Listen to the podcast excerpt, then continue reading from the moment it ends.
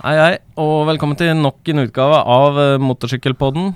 Og jeg er Erik og denne gangen har jeg faktisk tatt en tur ut til Bullfighter i Oslo. Og det, der sitter jeg nå med Bjørn Høie. Hei, hei. Hei. Og det jeg syns er kult med Bullfighter, er jo at dere produserer deres eget uh, MC-klesmerke. Ja, det- stemmer. Det skal vi snakke litt om mer om seinere, men aller først tenker jeg vi kan begynne med hvordan du har endt opp som eh, sjef i Bullfighter. Da. Eh, jeg heter Bjørn, ja. Eh, 29 år og jobber her i Bullfighter som daglig leder. Og nå som eneeier fra 1.1.2021. Eh, dette er et familiedrevet selskap, så min far startet dette her i 1999. Og da var det arvtakeren egentlig av, av Bullson, hvis dere kjente det merket. Det er et eh, klassisk uh, MC-klesmerke. Eh, og Bullfighter er egentlig da bare videredrevet av da Bullson. Eh, så i 1999 så, så, så begynte han å, å importere MC-klær eh, på Liertoppen kjøpesenter, og begynte å, å selge dette. Eh, før det så drev han med, med noe som heter Skinnmakeren, og det drev med skinnkåper og, og veldig mye av Jofama. Uh, Jofama er jo også i dag uh, MC. Ja. Var det skinngreiene her? Nei, det var rett og slett på Liertoppen kjøpesenter. Så okay. han startet egentlig førstebedriften sin der ute, og så har han flyttet videre til Ensjø. Og så når jeg kom inn, så flyttet vi her fra Ensjø til her på Alna, da. Ja. Så, så det er egentlig den korte versjonen av det. det Ja. Så, så du, du er litt sånn født inn i rollen og vokst opp litt i butikken, da, eller? Ja, jeg vil si det. Det er liksom eh, påtvunget uh, A1-lappen fra 16 år, og så A2, og så Men, men hadde du et ønske om å eh, Jeg skal drive si, eh, tilbørsbutikk, da. Eller var det andre drømmer, og så var det bare det at det var praktisk å gå inn i familie... Jeg hadde vel de vanlige klassiske drømmene for, som å bli politimann eller brannmann eller uh, whatsoever. Uh, men det ble jo altså et, et, hva skal jeg si, et kjennskapsområde. Da, for når du har måte jobbet så mye med det fra du er ung, og, og holdt på å si ikke på grensen til barnearbeid, men det har vært, det har vært mye i, i jobben, Ja. eh, så kjenner du til produktene, du lærer deg ting, og så oppfatter du plutselig ting på en litt annen måte. og det det å på en måte holde seg i en komfortsone når du på en måte utvikler deg etter du blir 18 og egentlig ikke vet hva du vil, det har vært en pådriver til at, at jeg er der jeg er i dag. Da. Ja. Um, Så dette er noe du trives med? ja, det må jeg si. Absolutt. Ellers så tror jeg ikke jeg hadde gjort det heller. Nei. Det, Og, og butikkene har jo vokst òg, fra tidlig 2000 har jo vokst veldig, og det ser jo det er flere avdelinger og litt sånn her og der. ja, Eller utsalgssteder, da. stemmer det. Altså, vi har jo, vi har jo forhandlere, eh, og det er jeg håper å si frittstående, vil jeg mene. Men uh, nå er vi oppe i totalt uh, 14 filialer som, uh, som selger klærne våre. Ja. Eh, og så har vi to egne butikker, altså det er butikkene hvor vi står for alt. Eh, og det er da her på Alna som vi sitter nå, eh, og på Liertoppen kjøpesenter. Så ja. Og det, businessen går bra, regner jeg med. business is booming. Business is boom. ja. Men eh, du nevnte jo, du tok jo lappen tidlig og sånn. og hva, hvordan syns du det er å kjøre motorsykkel, og liker du det òg, eller? Du, eh, før så var det veldig passion, og jeg kjørte mye sykkel. Eh, tur i tur jobb hver dag og, og mye sånn. Eh, og nå, eh, rett og slett som en skomakers skjønn så blir man litt eh, at du må ha med deg ting hele tiden. Så jeg, hvis jeg er ute og kjører den ene butikken, den andre butikken eller skal et sted, så har jeg alltid noe i, eller med meg. Ja. Og motorsykkel er ikke alltid det beste, da, så da er det bil det faktisk går mest i. Altså. Går. Eh, men du må ikke si det til noen, det er en hemmelighet. Hemmelighet. Men du koser deg på motorsykkel av og til? Absolutt. Ja. absolutt. Hva, hva kjører du da? Jeg kjører en VMAX eh, 1200 kubikk i Yama. Det er litt tøft. Ja, det står nede. Ordentlig, ordentlig drag inn. Ja, det er jo å si, en rett fram-sykkel, ikke Ja, ja. noe svinge, svingeomsykkel. Ja, men det er bra. Og du, du eh, Som jeg sa, dere Det jeg syns var spennende her, da, det er jo at dere lager jo eget eh, Dere har jo eget norskprodusert eh, klesmerke for motorsyklister, eh, Ja, kan man si. Om, om ikke det eneste norske, da. Det er ikke mange av oss, det, det er det ikke.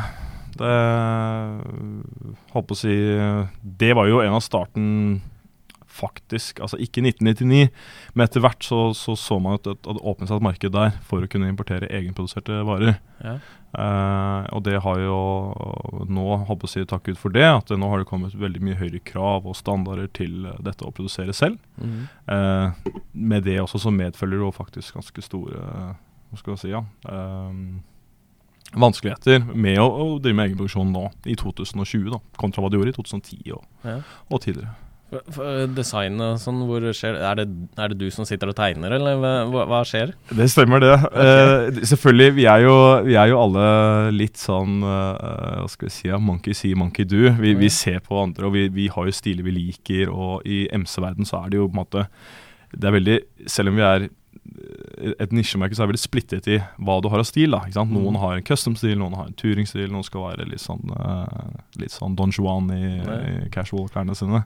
Hvor, hvor har dere lagt dere der, da? Mener du? Det er, vet du hva, si, uh, Hvis du bare ser på personligheter, så er det en eh, ganske schizofren uh, person som har lagd det her. altså. Ja, for det er det jeg ser her. Dere har jo alt fra da kevlar til softshell henger ved siden av oss her, og, og det, det mer standard Gore-Tex-utstyret, da. Ja, det stemmer det. Eh, altså Det som er desidert størst på, eh, det er eh, tekstilklær. Eh, veldig mye i entry level, uh, iallfall i egenproduksjon, da, når vi snakker der. Ja.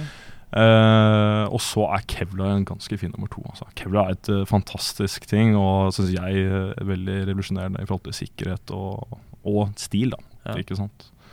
Og det tror jeg egentlig alle som har kjørt sykkel en ganske god stund vet også. Det å kjøre med fullt skinnutstyr og sånne ting. Det er jo, det koster ganske mye hvis du bare skal i butikken og handle noe mat. eller sånne ting, Da, da er det greit å kunne hive seg noe som er eh, av lettere stil. da. Ja, det er jo kevlar fint, og, og det der eh, Det jeg syns er eh, fint, det er jo de kevlar-buksene. For det, i hvert fall på varme sommerdager, hvis du skal bare kjøre og så gå en tur i byen eller noe sånt, så er jo det eh, perfekt utstyr for en sånn type ting. Det er jo det. Og, og du er sikra godt nok Ja, for eventuelt noe som skulle skje på veien. da det stemmer, det. Og det, det ser jo ut som du har vanlig bukse og genser på deg, og da kan sikkert også folk eh, riste litt på huet hvis de ser de kommer forbi og Det er akkurat det. det. Her er ikke trygt. Jeg tror det var en ganske fin overgangsfase der, eh, Ja. hvor folk ikke skjønte at eh, folk som kjørte med sikkerhetsutstyr, eh, faktisk hadde på seg sikkerhetsutstyr. For det ser jo ut som du kjører med vanlig eh, Ja, casual Ja, bukse. og det, det, det er jo noe jeg ser blant uh, i hvert fall ungdom. da Så er det mange av dem som kjører lettsykkel, og de, de skal ha på seg kule klær. Ikke sant? Jeg, det er ikke kult med kevlar og skinndress og sånn. Ja. Og da, det er jo Kevlar er jo helt perfekt for den type gruppa der, da. Ja, det er klart. Og, og personlig selv, da jeg gikk på videregående og kjørte lettsykkel og faktisk da mellomtungt til slutt eh, Jeg hadde jo ikke noe sted å legge for meg klærne. Jeg, jeg måtte jo ha på meg de klærne Ja. jeg kom med på skolen. ikke sant? Ja, ja. Eh, Jeg kunne ikke gå rundt i en skinnbukse hele dagen. Det, Nei, det, eller kunne gjort det, men da er du ganske en av de rare gutta da i klassen. ikke sant? litt- en av de særingene. litt sånn særinge. men, men dette her er jo utstyr du kan gå med hele dagen. Ja, ja, ja. Ikke noe problem. Men eh, i, tilbake til produksjonen, da, så er det jo Dette her må jo eh, produseres et sted, og godkjenninger og alt det her. Hva, Ja. hvor- hvordan, hvordan begynner man der, da? Du, det er et veldig bra spørsmål. Og, og for å si det sånn, jeg har byttet ganske mye produksjonen uh, som min far hadde. uh, til meg selv så har jeg på en måte nesten helevendt uh, alt av produksjon. Eh, veldig mye av produksjonen før det, det skjedde i Pakistan. Mm. Eh, Pakistan er jo egentlig et av eh, jeg vil si, eh, verdens mekka for produksjon av sportsklær og MC-klær. Okay. Eh, men eh, faktisk pga. LS2 hjelmmerket, eh, som vi også har på veggen eh, bak oss her, Ja.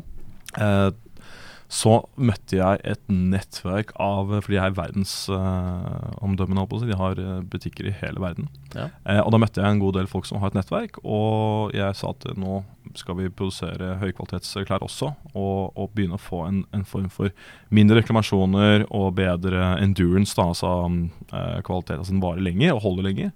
Eh, og jeg tror nesten ni av ti var Vietnam. Kom deg til Vietnam, jobb med Vietnam. Okay. Eh, og da fikk jeg kontakter der, og, og da har vi rett og slett eh, kommet til veldig god kontakt og veldig godt samarbeid med en eh, fabrikk der i Vietnam. Eh, og kvaliteten er liksom så å si upåklagelig, altså. Det er eh, som det skal.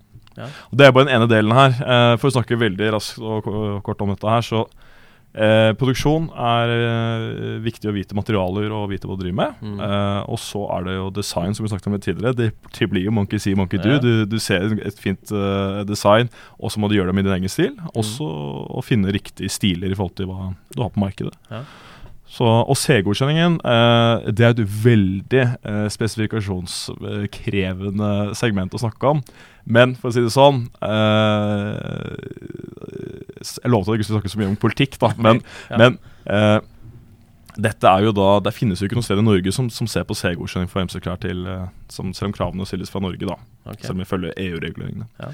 Men det å få en, en jakke C-godkjent, det er på en måte ikke så veldig vanskelig. Eh, men det er veldig krevende i forhold til tid og penger. Okay. Eh, så jeg vil jo si i snitt at for å få en sånn tekstiljakke, sånn som den softjakken ser på siden av der, Ja. for å få den C-godkjent, eh, så må det koste ca. rundt en 5000 euro for å få det stempelet på den. Det, det er på hvert produkt du må betale, da? ikke sant? Yes. Ja. Og da det er jo øh, Det er jo også sikkerhetsmessig rundt det, da. Hvordan øh, tester dere og gjør dette utstyret trygt, da? Klart, Det er det som er fordelen med C-godkjenningen. Eh, I gamle dager så satt jo kun krav til beskyttelse i albue og skuldre. Ja.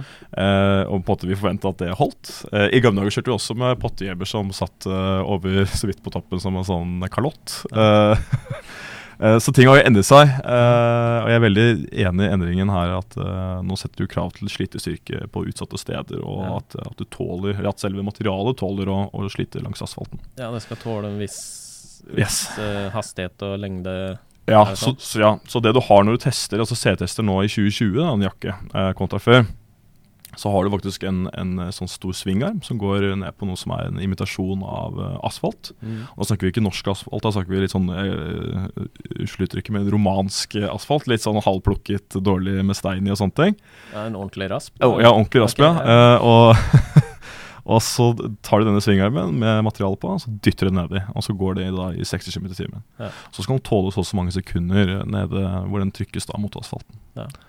Og da, det tenker jeg sånn også Her, her er det jo for å få det kjedegodkjent, da, som uh, mange billigmerker og litt sånne ting også klarer, så gjør de bare det nødvendige, og så Mm. sparer de på alt annet. Hvordan er det med det dere driver med? Har dere, legger dere lista veldig høyt, eller? Nei, altså det i prinsippet I forhold til det med C-godkjenning, så, så tror jeg det er dumt å jobbe bare på det nødvendige. Uh, fordi slike krav utvikles hele tiden, og plutselig er standarden høyere og sånne ting. Så min tanke selv er jo, øh, altså, sånn som du sier, det går an å bruke eh, kevlar på kun de utsatte stedene Ja. og få den godkjent, hvis du setter det på de stedene som du vet at der faller du. Men eh, jeg ser liksom ikke poenget med det, og, og greit nok, i en veldig stor skala så vil det være kostnadsbesparende, men i lille Norge og så vil vi på en måte tenke, tenke, tenker jeg for jeg selv da, at jeg tror en, hver nordmann som kjøper klær hos Bullfighter, eller oss andre som gjør det på denne måten, vil føle tryggheten med å betale de 100 kronene ekstra. Det kommer på, på sluttsummen. da. Og, og disse klærne, er de spesielt for uh, norske forhold, eller er det også selges det ut av landet? I, nei, vi selger Vi har solgt litt i Sverige før, eh, og litt i Finland, men uh, særdeles lite. Uh, det er Norge som er hovedmarkedet. Ja. Driver og tenker på å gå inn igjen. Vi får se hvordan ting utvikler seg i fremtiden. Ja. Det er en hemmelighet, det også. Ikke så hemmelig nå lenger. ja, ikke sant? Ja. Nei da. Men i forhold til produksjonen av, av jakkene og klærne og sånne ting, så vil jeg si at det er et ganske stort skandinavisk preg i, i klærne våre. Mm. Og en stor hva skal jeg si, Hvis du trekker en parallell linje fra en skandinavisk krav til f.eks. krav i Spania, eh, så må du ha bedre vannsøyle, du må ha bedre membran, du må være mer vindtett. Og vi har jo mye mer eh, hva skal vi si, eh, uvær, Røffere vær. her Ja. i nord. Da. Ja, for det er det jeg tenker. Det må, må jo da, hvis dere lager det her, så må det være for de, de her som skal bruke det. Da. Og, Ja. Stemmer. og så da tenker jeg også at eh, her må det jo være et eh, merke man som norsk motorsyklist kan være med å påvirke mye lettere enn de utenlandske, da, hvor man kommer i butikken og ser her på jakka mi, den er eh, sånn og sånn, og Det er et veldig godt, eh, veldig godt poeng, faktisk. Og, og det er en ting vi faktisk gjør og praktiserer. At uh, vi har eh, Jeg vil først påpeke at vi har veldig dyktige ansatte som er veldig flinke på tilbakemelding. Og, og dette vil jeg si at kommunikasjonen da mellom uh, kundene, de ansatte, og hvordan vi gjør det i produksjon, mm. det er faktisk veldig høy. Altså i høy grad at den følges opp. Eh, så har du sånn at du vet at Oi, dette er en god patent, og du sier det til oss eh, i Bullfighter, Ja. så skal du bare ikke se bort fra at det plutselig er på eh, neste generasjons klær. At det er en tilsvarende Ja. funksjon. da Ja, for det det jeg tenker sånn der, Hvis jeg skulle gått til de store, da, Alpine Stars og alle disse andre, da, så kommer du fra lille Norge og har en liten idé om litt mer vanntett her og der. Jeg har ingenting å si, vet du. Har du så blir det søppelpost. Stemmer det. Jeg spurte jo for øvrig uh, Vi har jo et uh, intercom-system som heter Midland. Okay. Uh, og de har jo FM-radio. Uh, Ah. Så sier de at vi, nå må dere begynne med DAB-radio. Nei, hva er DAB for noe? Jeg har ikke hørt om det. Ja, Eh, så, så det, ja, der, der, der sitter vi og leier ja, ja, vårt. det er litt sånn, ok. Det er kult. Ja, det er kult. Da får vi ikke brukt det. Da må vi ha noen ekstra bokser og sendere. Ja, ja. Så, men, men jeg, snakket jeg har jo snakka Eller jeg har hørt uh, Vima Norge blant annet og sånn. De, de er jo veldig opptatt av dametilpassa klær. da ja, Og er det noe dere har eh, større fokus på? Å lage litt i forskjellige fasonger og Ja. opplegg og sånn? det vil jeg si. Uh, Håper å si et ledende spørsmål, men, eh, men ja, det vil jeg si. Eh, damemarkedet begynner å bli veldig fremtredende, og det syns jeg er veldig positivt. Ja. Uh, at uh, nå ser du plutselig damer på racingbaner, du ser at eh, damer kjører sykkel selv, og, og det er litt sånn der, eh, Stereotypien da, hvor, hvor du sier at damer er passasjer, den er Mm. ikke så til stede lenger som det den en gang var, hvis du skjønner. Ja, det, er, det er bra. Og det er en jævla bra ting å se. Eh, og jeg ser jo det også på, i forhold til statistikken på forbrukere på nett og, og sånn sett i butikk òg. Mm. Så har nesten 20 av, eh, av eh, forbrukerne eh, damer. Ja. Så, så det vil jeg si at eh, det er veldig godt å se. da Finner de det som uh, passer dem, da? F.eks. at det er uh, mer plass til dameting? Ja, dameting. si Ja. det det var jo veldig politisk Ja, korrekt, for- men uh, eh, Ja, det, det gjør de. Eh, og, og det er innsnevringer, og det er feminine trekk eh, i disse eh, Ja. klærne. Eh, det er jo ikke alltid like lett å få damen til å få Altså, en dame med, med kurver eller, Ja. og sånne det er ikke like lett å få, få disse formene fram, eh, i og med at du har noen Ja, ja. store skulderbeskyttelser og albebeskyttelser og Altså, sånt. det er ikke lett å vise fram eh, hvem man er i, Nei, i nei, der, så, så det får heller gjøre når du tar i deg eh, Ja. holdt på å si. Så, men, men her er jo en eh, tips til alle damer som kjører, det er jo ta kontakt med Bullfighter, for der, der kan du en Der er det lettere å påvirke bransjen da, til Ja. MC-klær. Det vil jeg si. Og, og vi lanserer nå også startpakke til damer. Det har vi ikke hatt før. Eh, så vi har alltid hatt startpakke til menn. Litt Ja. sånn, eh, sånn- ja, Men sånn er det sånn har vært markedet. Ja. Men nå kommer ny startpakke til damer, så da får du fullt fra topp til tå for 5000 kroner. Da. I 2020, bare sånn Topp topp til da, da er det hjelm og alt du trenger, eller? Alt du trenger til oppkjøring og, og ja, utenom ryggskinnet. Altså Ja. sånn ekstern. Det burde man egentlig inkludert, men det Ja. prak prakker vi på her i butikken. Så prakker, du Prakke, liten på der. Ja. Men, men det, det, det er jo ikke så, så dyrt, da. Nei. For å bare komme i gang, i hvert fall. Jeg Holdt å si Bakgrunnen dette her er jo egentlig altså, For å si det sånn, Vi tjener jo penger på dette, her men, Ja. men vi tjener ikke så mye penger. Eh, og ideen bak det er vel egentlig en form for kundelojalitet. Altså du, Mm. du gir kundene eh, en, en veldig rimelig inngangsbillett til MC-verden. Noen bruker disse settene her i fem år, noen bruker det i ett år. eh, og, og noen vil bare ha det til oppkjøring, og så selger de det etterpå. Okay. Men, men prinsippet er jo det at eh, du slipper å, å, å budsjettere med 15 000-20 000 ekstra i klær når du kjøper sykkel. Ja, for det er jo gjerne Når man går og sikler på utstyr, da, så er det den summen man kommer Ja. på hvis man vil ha akkurat det man vil ha. Men her, her får man her, Dere har pakker som er ganske billige, som en Ja. bare kommer Kanskje ikke det kuleste i gata, men, men dette er det du trenger, og det, og det sikkerhetsmessig helt 100% altså. Ikke noe å tenke på. Ja, det er jo genialt. Og så regner jeg med dere har også dyrepakker. Selvfølgelig. Eller det, mer, du, eh, kan også, og du kan ja. også selvfølgelig bruke fire-fem gangers eh, beløpet her, altså. Det er ikke noe problem, det. Det er ikke noe problem. Litt avhengig av hvem du er. Så, så det. Ja. Men bare en liten digresjon til det, da, eller i forhold til dette med, med dameklær og utstyr og sånne ting. Eh, så er vi også, eh, jeg tror nok, de eneste endeleverandør på store størrelser. Altså størrelser opp i, i sjiktet 12 XL og Ja, det, det, Så vi har noen modeller som går faktisk fra eh, dobbel X-mal til 12 XL. ja, for det, det er det mange, mange som har eh, litt størrelse. De sliter jo veldig med å finne Ja. utstyr, og da heller De får bare kjøre uten. i- Ja, det er rett og slett det de gjør. Ja. Eh, og det er veldig For å si det sånn, når man selger en 12 XL og et glimt eh, De får et glimt i øynene som endelig har funnet noe som jeg kan eh, Ja. få bruke og, og sånne ting. Og det er viktig.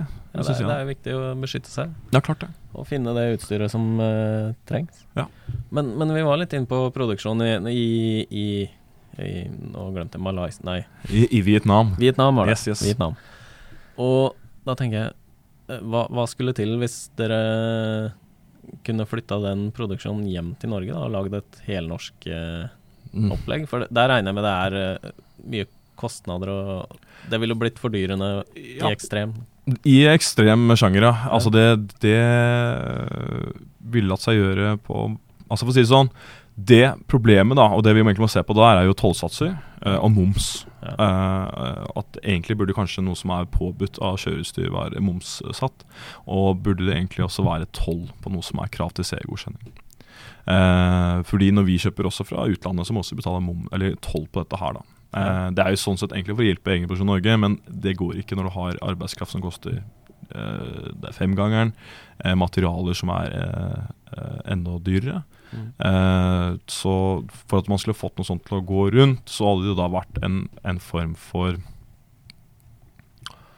Hva skal man si, ja. Altså vi, vi har måttet uh, bygd noen uh, høye, høye murvegger rundt uh, grensen vår og sagt at her eh, kan man kun kjøpe innenlands og bruke eh, Altså ekstreme politiske ekstreme eh, handlinger som eh, kreves da for å komme Ja, men vi er jo på riktig vei. Jeg ser jo det at eh, altså, Miljømessig så er jo motorsykkel vanvittig mye bedre enn bil.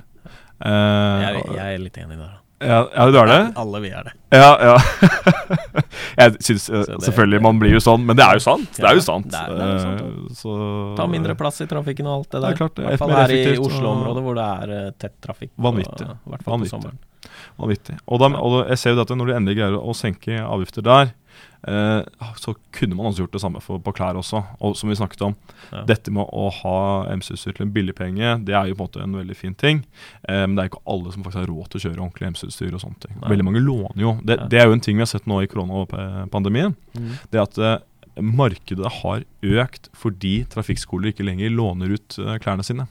Ja, ja, det stemmer. Så disse startpakkene har jo måte sånn sett eh, skutt opp i været. Og vi var jo utsolgt da første gang i, i mai eh, eh, i år. Eh, og det hadde jo ikke skjedd hvis folk hadde, hadde lyst på å ha eget utstyr. ikke sant? Eh, og veldig mange har jo sånn at de går rett på at de kun skal ha hjelm, for det er det som er påbudet. Mm. Eh, og så kjøper de gjerne hansker og hjelm. Også noen, noen vil jo selvfølgelig ha utstyr, og noen vil ikke ha utstyr. Jeg ser jo det at det, eh, markedet økte betraktelig av den grunn av at uh, hygiene da, hos trafikkskolene ble plutselig en, Ja. en sak. da. Smittevern og, Yes, sir. ja, og, og ellers i markedet. Hvordan For MC-markedet har jo hatt en liten oppsving, og det er flere som har brukt ferietid på motorsykkel og sånn. Da, da regner jeg med at de også trenger utstyr, da. Det er klart det. Eh, så det vi, vi er inne i nå, er jo på en måte premarkedet. Altså hvor, hvor folk skal eh, ta lappen og lære seg gjøre seg erfaringer i, i MC-verden. Eh, og neste steg er jo da å, å se på at disse, og håpe at disse kundene kommer tilbake, gitt at vi har vært eh, flinke nok med dem, eh, og, og kjøper neste, neste generasjons klær da, i forhold til at da er de ferdig med startpakken og plutselig skal ha Ja. kevlar eller racingutstyr eller ja, som Ja. kanskje du appellerer litt mer til. Ja, litt Jeg appellerer alt, jeg. Ja. Som jeg sa her, det Kevlar-utstyret, det, det liker jeg for sånn uh, hverdags uh. Sånn kosekjør, hvor du ikke Ja, klart det. skal langt, eller hva som helst, da. Ja, ser den. Men, men uh, vi var inne på et eller annet her jeg tenkte på. Det var um, markedet. Men neste år, da. Hvis Ja. si nå Jeg regner med koronagreiene forsvinner etter hvert, og vaksiner funker og sånn. Og Ja. tenker dere da at det blir en nedgang i markedet fra. Nei, det, jeg vet ikke. Altså det er eh, Jeg ser jo det at MC-markedet har begynt å bli mer trendbasert enn før. Eh, for å si det sånn, eh, trekker du linje til, tilbake til min far da han holdt på, så var det liksom du trengte tre jakker, og de jakkene kunne du kjøre på i, i ti år. Ja. Eh, og nå er det sånn hvert år som vi bytter ut den jakken, skal ha ny farge på flanellskjortene, eller så skal kevla buksen komme i, en annen utførelse. Mm. Og det blir veldig mye mer sånn at eh, produksjonen krever mye mer uh, introduksjon av nye produkter. da Eller nye farger og, og sånne ting. Grønn farge er plutselig en ting. Kamo kommer plutselig tilbake nå, i 2019. Okay. På ordentlig. Altså, Kamo har alltid vært i MC-verdenen. Vi er jo litt sånn Vi har et preg av, av eh, Hva skal man si, ja, litt sånn harry eh, greier i, MC-verdenen. Men, men nå er det faktisk tilbake i, i moteverdenen også. Og det ser jeg har en effekt i, i MC-verdenen. Ok, så vi Det er her eh, mannfolk eh, doller seg opp, på en måte. Ja, og jeg tror faktisk de mest forfengelige mennene er MC-gutta. Altså, spesielt de med litt ekstra langt skjegg og litt lengre hår. De, Der skal det være, skal være veldig spesifikt. Stemmer. Ja, men det er tøft. Du, du, vi var jo inne på det nå i stad, i forbindelse med du håpa dere gjorde god jobb, og at kunder kommer tilbake og sånne Ja. ting. Da. Hva, er det har, de, har dere mye si, reklamasjoner og trøbbel med utstyr, og hvordan løser man eh, saker og Altså Vi er vel egentlig følger litt sånn XXL sitt eh, motto er å være 100 fornøyd kundegaranti. Har det? Eh, Ja, Vi prøver å, å, å tilfredsstille på alle mulige måter. I noen tilfeller så er man plutselig avhengig av leverandøren, som jeg synes er en veldig dum ting. Det er jo ikke vi når vi er produ- selvprodusent, for da er vi jo egen leverandør. Så da, da er jo et nytt produkt på dagen, eller at vi fikser opp på dagen. Men, men når du har andre leverandører, agenturer som, eh, som andre merker, så må du jo måtte få en form for bekreftelse. Da. Så det tar litt mer tid der. Men eh, klart, alle har reklamasjoner. Det er ikke noe å, å, å børste under teppet, det. Eh, men eh, jeg vil si at, som jeg snakket om innledende også, Mm. det å flytte bare produksjonen til Vietnam Mm. eh, så Plutselig så er ikke reklamasjoner i like høy grad som det var før. Altså. Eh, for kvaliteten er mye bedre, og det, du ser ikke de samme sånne små teite feil som en glidelås eller en knapp eller whatever. Ja. Ikke fra disse eh, landene her. Ja, men det er jo kjempeflott, det. Mm. Og jeg regner med det er eh, mye kunder innom her og, og handler, da. Selvfølgelig. Ja. Men eh, jeg tenker, er det noen det noe kundehistorier du husker spesielt, og sånne ting? Altså, hvor, er, eh, hvor man har gått litt utover normalen, Ja, altså, eller Det, det som jeg syns er eh, En ting som jeg har lagt merke til, og det har jo skjedd gjentatte ganger, eh, men det er jo kunder som har vært i, i bakken med utstyret vårt. Okay. Eh, og da hadde vi en Den, den sto faktisk nede, jeg vet ikke om du så i butikken når det kom Det, inn det er egenproduserte utstyret? Egenproduserte, ja. ja. Eh, så det er en Keller-bukse eh, som har vært i bakken i 110 km i timen. Eh, mannen var jo funnet bevisstløs av politiet. Han lå der, eh, men han eh, overlevde. altså. Han kom og leverte leverte den og ja. sa tusen takk eh, for hjelpen. Eh, og, og ikke en skramme på, på bena eller sånt. Man hadde fått hjernerystelse da, selvfølgelig, men eh, det er jo da pga. fallet ut Ja. der. Så, så Kevla-buksa tok opp eh, Det gjorde den, altså. Og i sin helhet. eh, så, så han sa det at eh, selv om det egentlig skulle da makulere seg forsikringen, så sa han at de skal få den istedenfor. Så vi ga han en ny bukse for det, og så fikk, han- fikk vi lov til å beholde den. da. Ja, det, er, jo- det er jo litt en sånn eh, Ja, men dette sier jo stempel for liksom Her er det testa, annet enn den derre veiva du viste. Ja, det er sagt, da har du en reell test, ikke sant. Der, er, det, det er vanskelig å gjenskape det. Ja, for det, det krever litt mer Ja. Skulle ha en helt gærning som ja. gidder å prøve seg, liksom. Men det tviler jeg på. Ja. Ja, det. Nei, men det er bra. Den buksa må jeg se etterpå og ta bilde av og legge ut på, Ja, skal vise den skal vise på siden, Ja, kanskje. jeg skal vise det. Men uh, eh, ellers i i, i, i Bullfighter-kjeden, det. Ja. det er vel det. Ja, Hva, det hva, hva, hva er det man eh, prøver å gjøre framover i tida? Hva, skjer framover i tida? Ja, si det. Eh, det er jo fortsatt fokus på, på egenproduksjon, og det kommer nok til å bli en større del. Eh, sånn som i 2021 så lanserer vi nye støvler. Ja. Eh, i, I 2022 så er et hårete mål å begynne å produsere egne hjelmer. Slik at de blir totalleverandør i, i um, dette som kalles startpakken.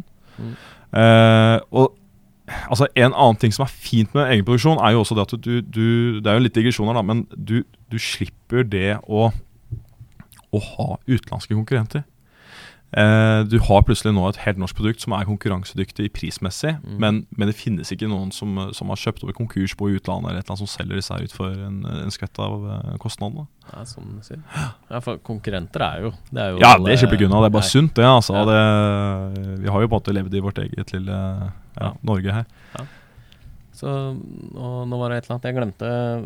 Det var um, Jo, fremover snakket du om. frem, ja, Ja. det var der vi var. Hva, er det noe større planer for utvidelser? Du nevnte litt her i stad hemmelighetene med Sverige og Finland. Og, og litt sånn, sånn type som det. Har dere et stort ønske om å vokse, eller er det bare å drive trygt? Altså Egentlig eh, hele bakgrunnen til at eh, man tenker inn til Sverige og Finland, eh, egentlig ikke mest for å vokse, eh, må jeg innrømme. For man blir litt eh, arbeidslei. Og jeg skal ikke si at jeg jobber eh, få timer i løpet av dagen.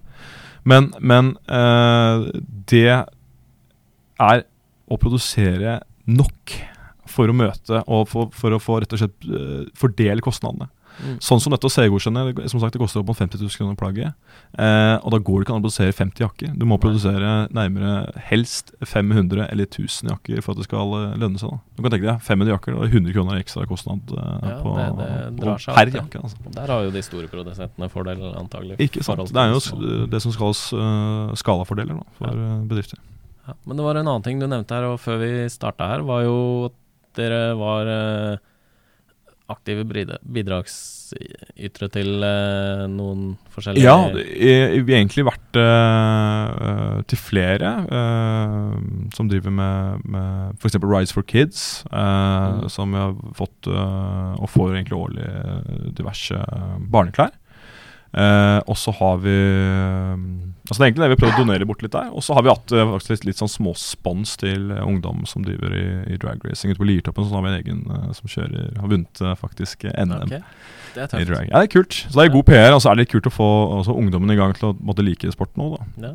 Så um, Er, er sponsing noe dere jobber aktivt med, eller? Nei, det vil jeg absolutt uh, si motsatt av. Okay. Uh, men, uh, men og Det er egentlig mest butikksjefen på, uh, på som, som okay, pusher på det. Men han, han og det, det har jeg egentlig veldig respekt for. Den måten han gjør det på og får det fram. Det, det, det, altså det, lager noe rundt miljøet, da. Ja. Og hvordan prøver dere å fortelle om produktet og sånn til eh, norske folk? da? Hvordan, hva er markedskanalene dere Jeg, sier det. Jeg, driver og lærer meg Instagram. Uh, fortsatt ikke helt flink til det. Men eh, Ok. Facebook har vi holdt på ganske lenge med. Og så er det Google. Ja. Eh, og nye nettsider nå, så har vi faktisk åpnet opp for blogg, da. Uh, Blogg? Ja. Så, Dere har egen blogg? En skriftlig podkast. neste steg Ja, for deg, Erik. Det jeg Ja, jeg er ikke helt jeg, Når jeg tenker blogg, så tenker jeg de der rosa tyggisbertene. Ja, det er klart. Det, det det, har slått seg fast i hodet mitt. Ja. ikke like kult her. uh, men vi pleier å ha Har vi f.eks. Et, uh, et tidsskriv, da, sånn som MS-avisa, hvis de har vært innom og, Mm. og intervjuet og sånne ting, eh, så, så legger vi dem på nettsiden og, og får formatet der, da.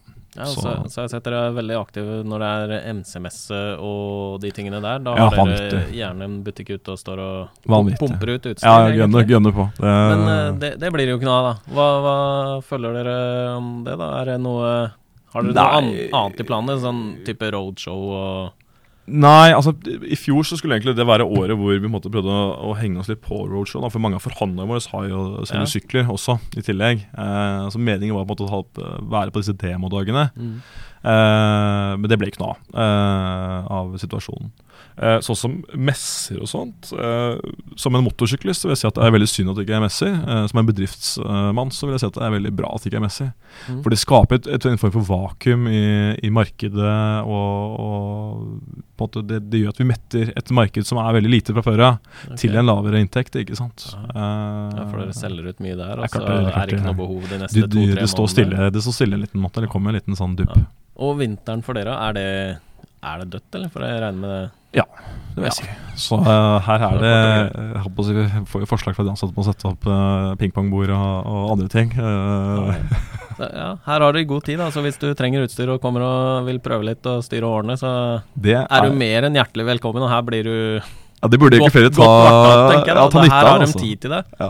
På sommeren så er det jo gjerne man kommer inn, og så er det Det er kanskje fem-seks stykker inni her som venter på hjelp, da. Ja, det stemmer det. altså ja, Til min store fortvilelse i år så måtte vi faktisk eh, si, holde, holde noen av kundene utenfor, mens eh, de sto Ja. titt i tiden og syklet inn i godteributikken. Ja, det, det, men ja, hvordan har dere fått det gjennom koronaopplegget her? Er Nei, vi, det startet jo ganske hardt ut med, med alle som skulle inn med seg hansker, finlandshetter og sånne ting. Og så selvfølgelig sprite hendene da Mm. vi kom inn.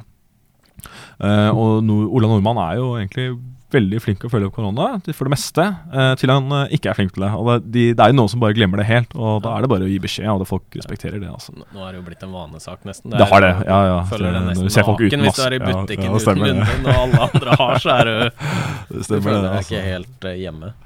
Helt Men jeg vil jo si takk for praten i dag, da, tenker jeg. Jo, like måte. At det har vært veldig spennende å komme på besøk og få høre litt om eh, hvordan det er å være norsk produsent av MC-klær. Ja, det er bare å prøve seg.